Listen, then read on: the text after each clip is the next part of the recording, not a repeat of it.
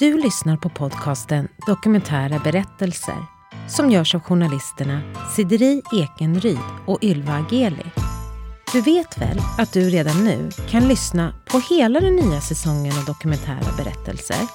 Gå in på Podplay-appen eller på podplay.se. Där finns nu alla tio avsnitt av hela säsong 10 helt gratis.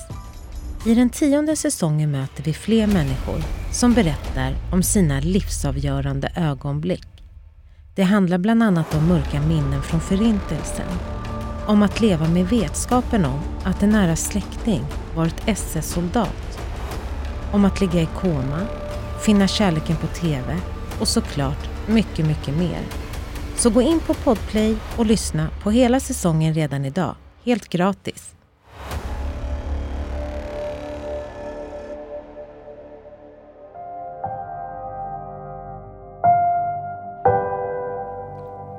Tack så mycket. Väldigt fint par. Ja, ja, vet, du, vet du vem ska gifta mig med i mitt nästa liv? Nej. Dina. Det här är det andra avsnittet där vi får följa Dina och Jovans berättelse om hur de överlevde Förintelsen och till slut, mot alla odds, finner den stora kärleken i just varandra. Och så ser jag att det går en pojke ensam. Han var inte på gott humör tyckte jag. Men jag märkte att han var väldigt, väldigt snygg. Ja, det finns en, men hon, hon eh, vad heter hon? Hon heter Dina, men hon, hon har sin kille. Ja, men Dina var igår hos mig och sa att hon sparkade den här killen. I avsnittet hör vi också Julia Sandström, doktorand på Stockholms universitet, som forskat om Förintelsen. Antisemitismen existerar överallt i Sverige. Så det är svårt att förutse för en individ som identifierar sig som jude vart den kan utsättas för antisemitism. Vi kommer också prata med Eva Fahlström Borg, legitimerad psykoterapeut som länge arbetat med traumabearbetning. Och man kan uppleva trauma på en individuell nivå, transgenerationell nivå och kollektiv nivå. På kollektiv nivå det är när en stor grupp människor utsätts för samma sak.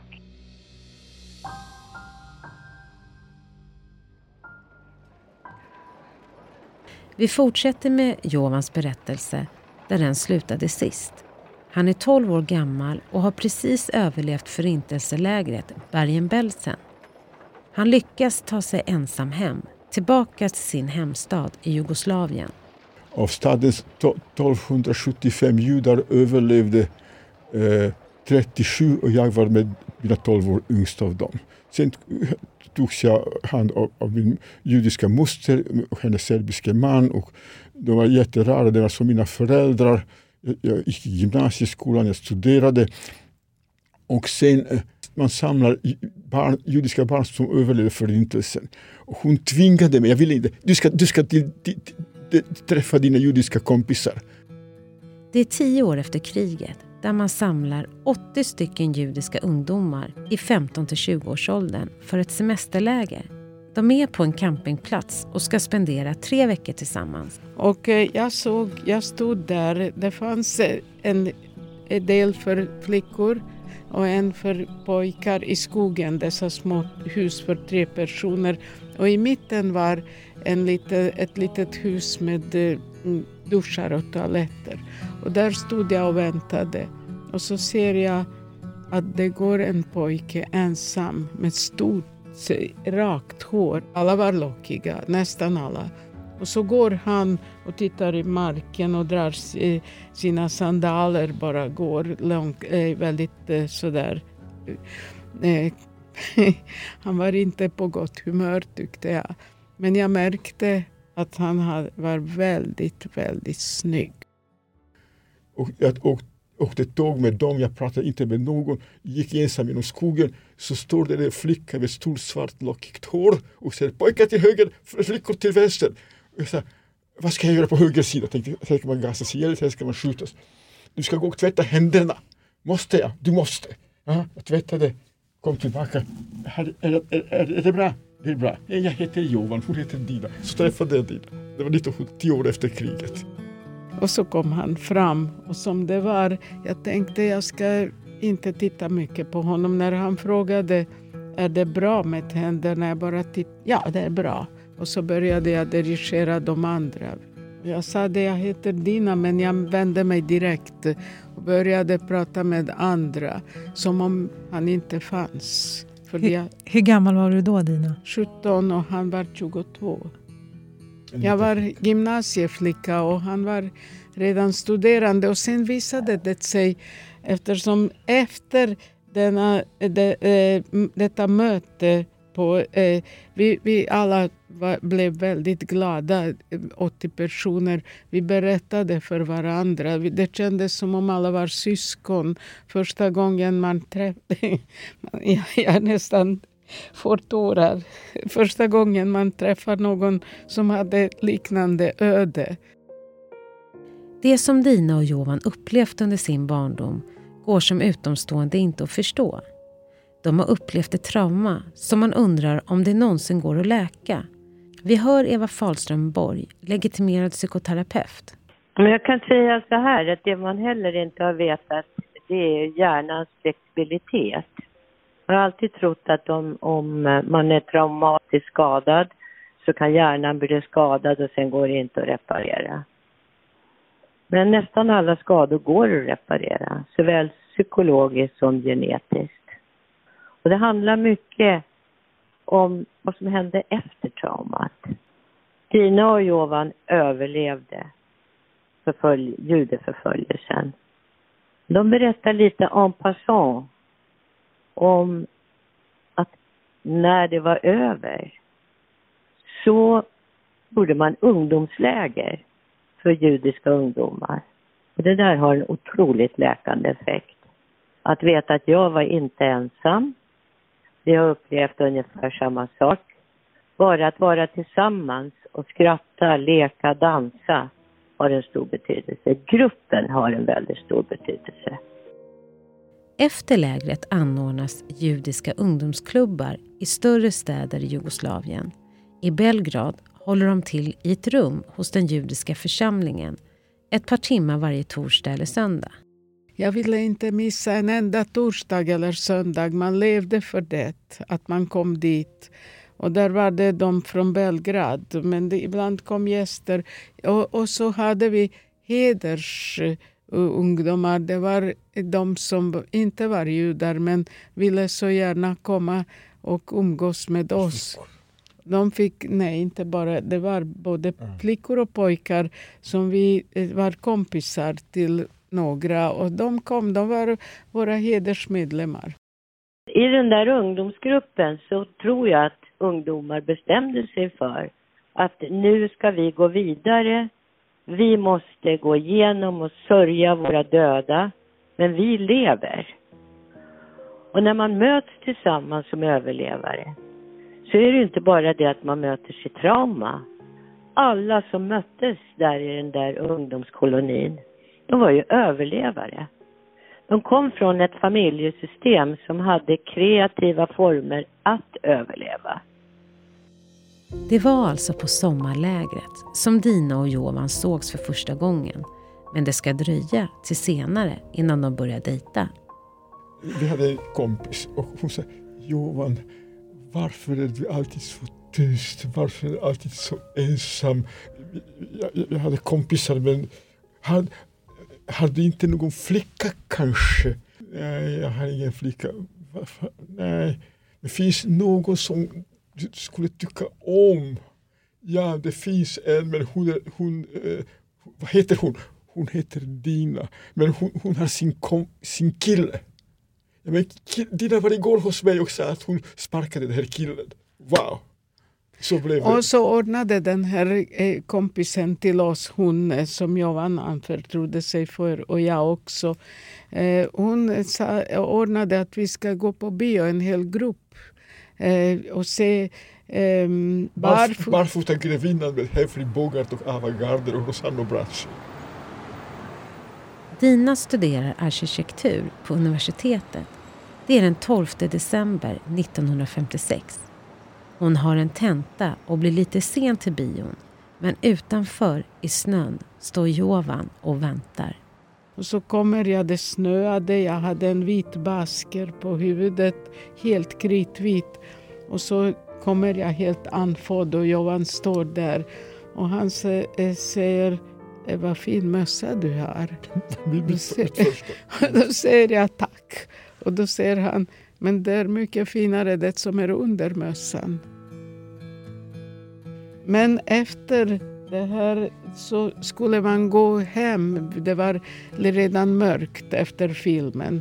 Och eh, då sa den där kompisen som var, gjorde denna matchmaking att, till Jovan att du måste gå med Dina till hennes port. Måste jag? Eh, för att ja. det är mörkt för en flicka att gå. För det skulle han aldrig komma på att eh, följa mig till porten. Och sen kom vi till porten och så skulle Johan, sade Johan nu ska jag till spårvagnen. Han bodde lite utanför stan.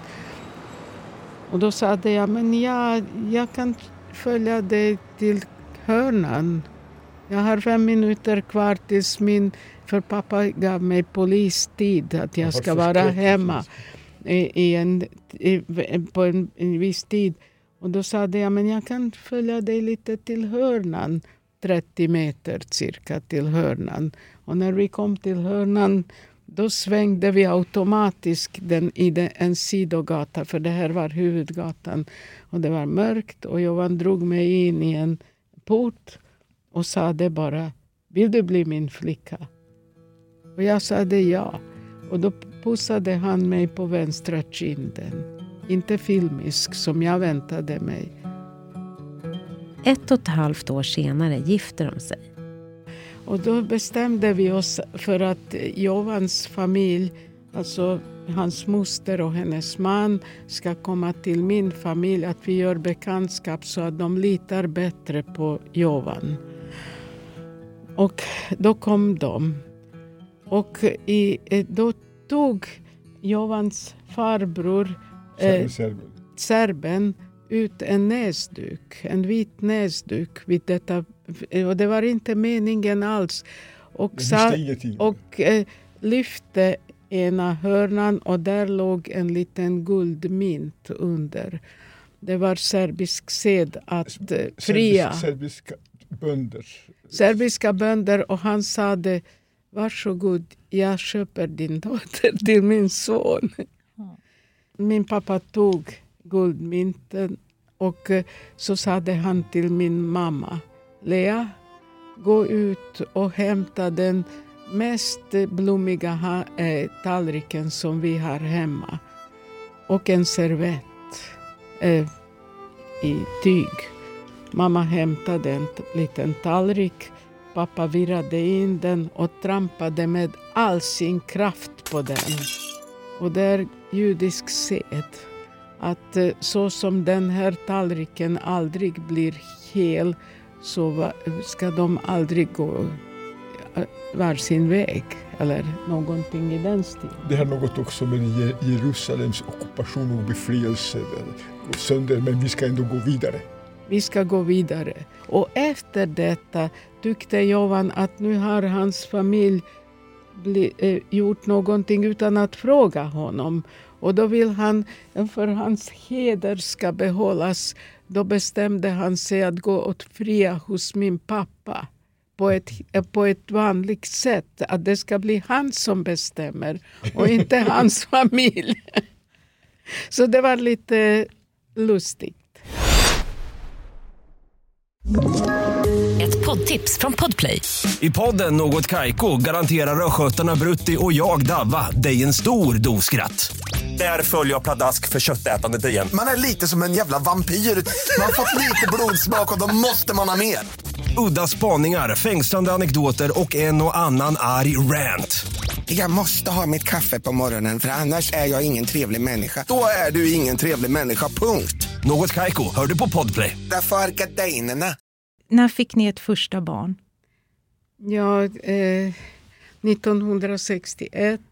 1960 var vi i en annan stad hos Jovans bäste vän.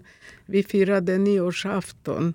Och eh, vid frukosten så frågade vännens mamma. Och hon var, hennes mamma, hon var överlevande Auschwitz-fånge. Och läkare. Stor, stor er, läkare. Stor och hon frågade när ska ni få barn? Ni har varit gifta två år. Och eh, Johan sade, vad sade du, först måste... Ja, ja, för, först ska Tina avsluta sina studier och jag ska av, avsluta min allmän tjänstgöring. Sen ska vi eh, jobba och sen ska vi till Israel. Och, och hon bara sa ungefär så här. Samma, samma kväll tillverkade jag Då tänkte nu, nu är det dags. Ja, ja det, det, då... Så enkelt var det. Ja. Dina blir arkitekt och Jovan rättsläkare.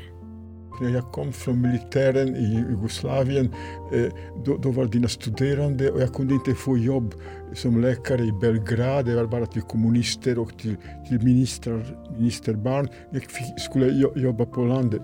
Jag ville inte någonstans. Men gå till, gå till gå till patologen, det är ingen vill jobba där. Jag gick till patologen, får jag jobb? Du är välkommen efter tre månader. Och vad ska jag göra i tre månader? Gå till rättsmedicin, ingen vill jobba där. Och jag kom till rättsmedicin. Och okej, okay, varför? Och, varför vill du jobba på rättsmedicin? Jag har ingen, ingen annanstans att jobba, jag vill stanna i Belgrad. Och så småningom förstod jag att rättsmedicin är ett fenomenalt ämne. Man kämpar för sanningen.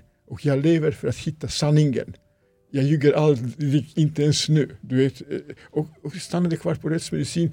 Man, man lär sig mycket om människan, och människan, inte bara hur de dör, varför de mördas, varför tar de sitt liv, utan om deras familj. Man kommer i kontakt med poliser och advokater och grannar och eh, allihopa.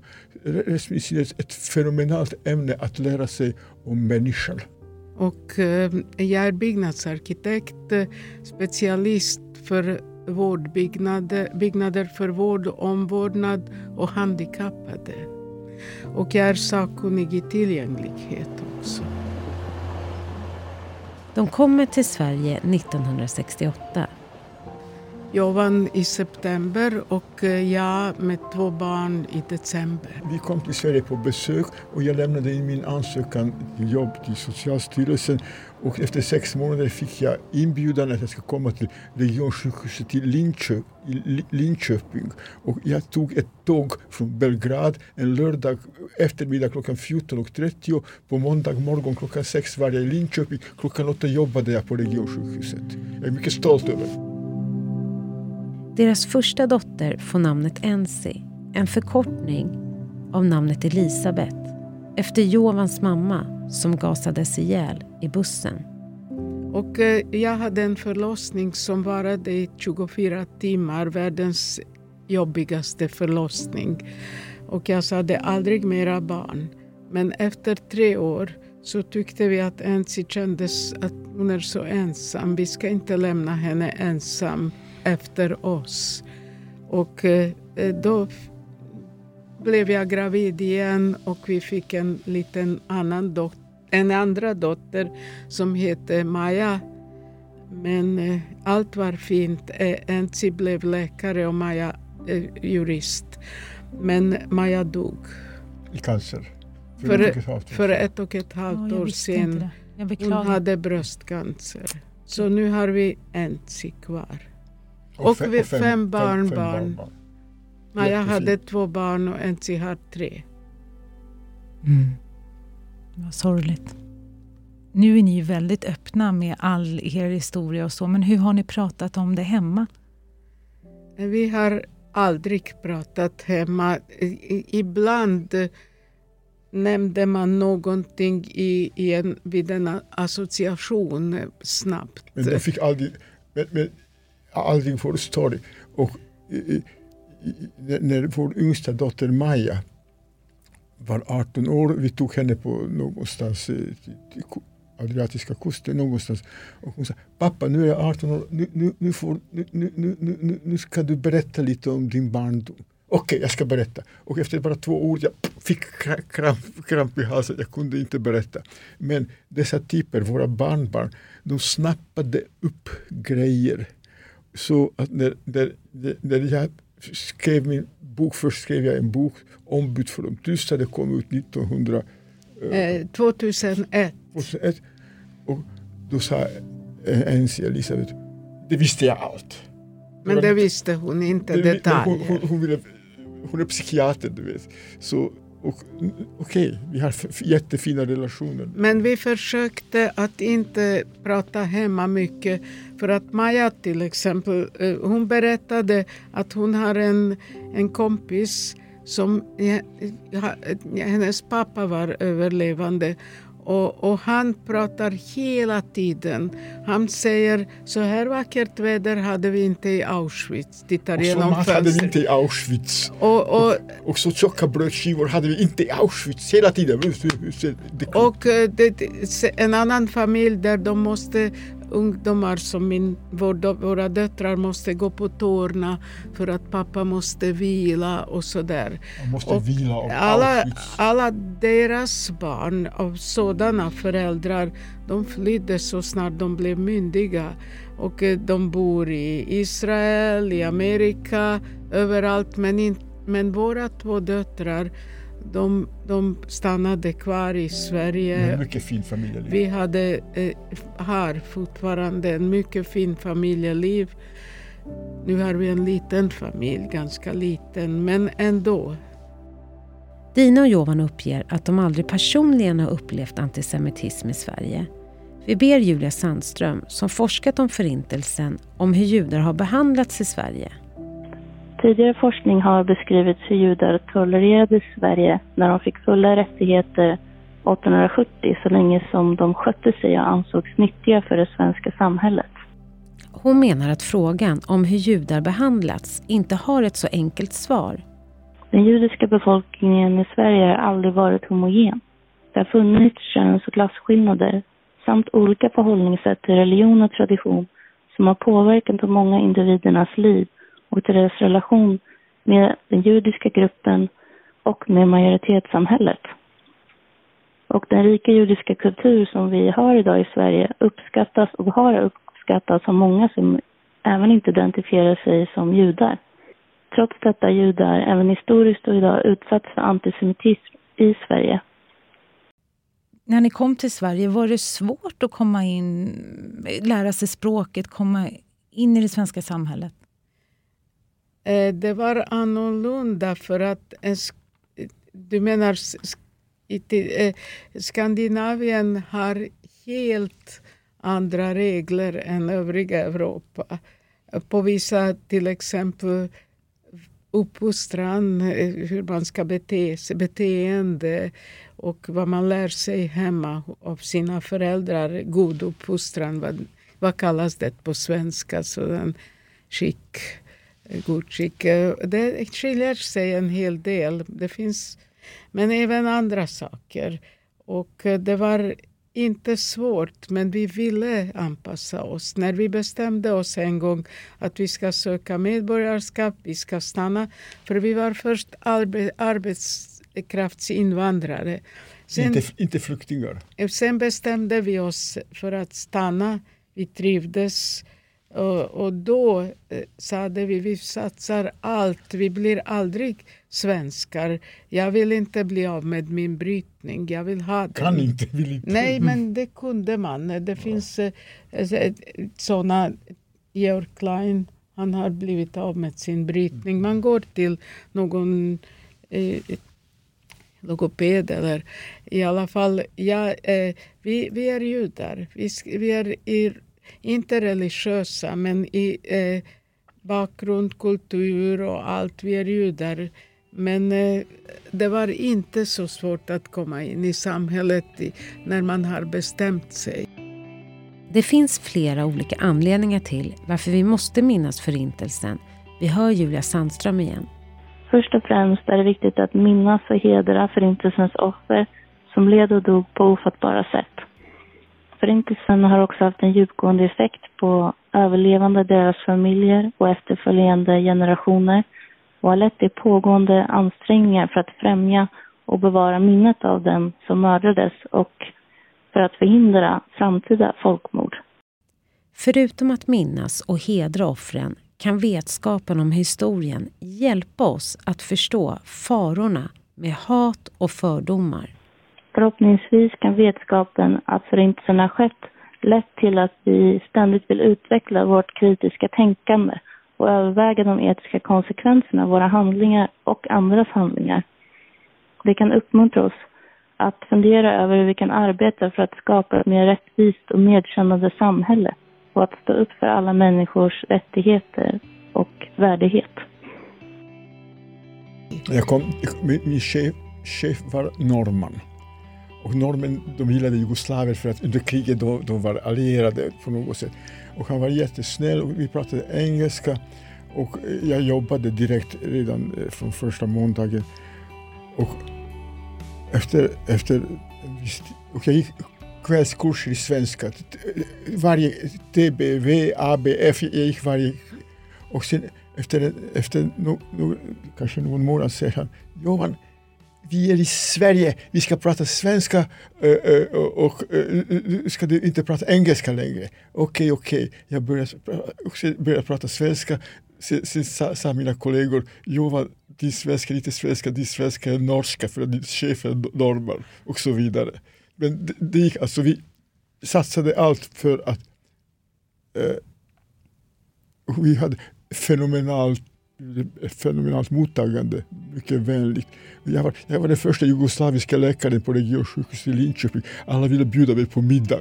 Och vi köpte en stor bukett eh, blommor och så kommer vi, först eh, hans fru öppnar och vi båda håller händerna så här och ingen ser så.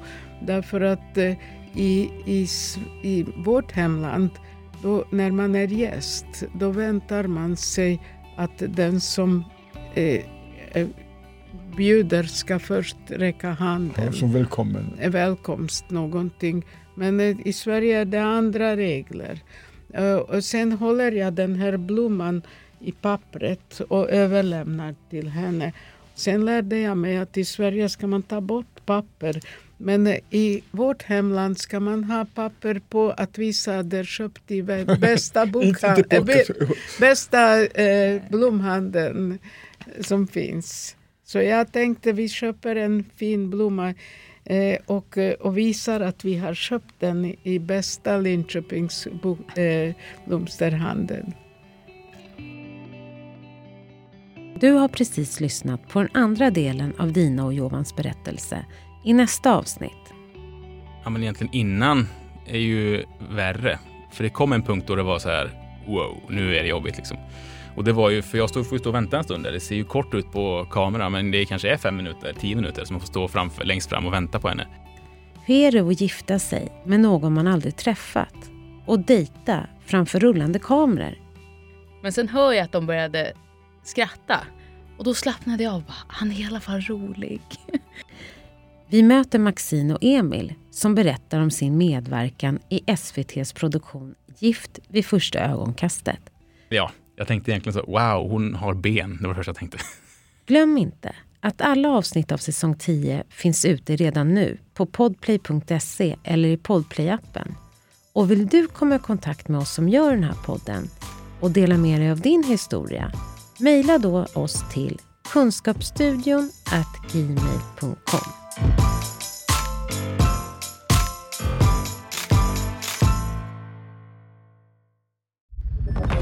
Podplay, en del av Power Media. Ett poddtips från Podplay. I fallen jag aldrig glömmer djupdyker Hasse Aro i arbetet bakom några av Sveriges mest uppseendeväckande brottsutredningar går vi in med hemlig telefonavlyssning och, och då upplever vi att vi får en total förändring av hans beteende. Vad är det som händer nu? Vem är det som läcker? Och så säger han att jag är kriminell, jag har varit kriminell i hela mitt liv men att mörda ett barn, där går min gräns. Nya säsongen av Fallen jag aldrig glömmer på Podplay.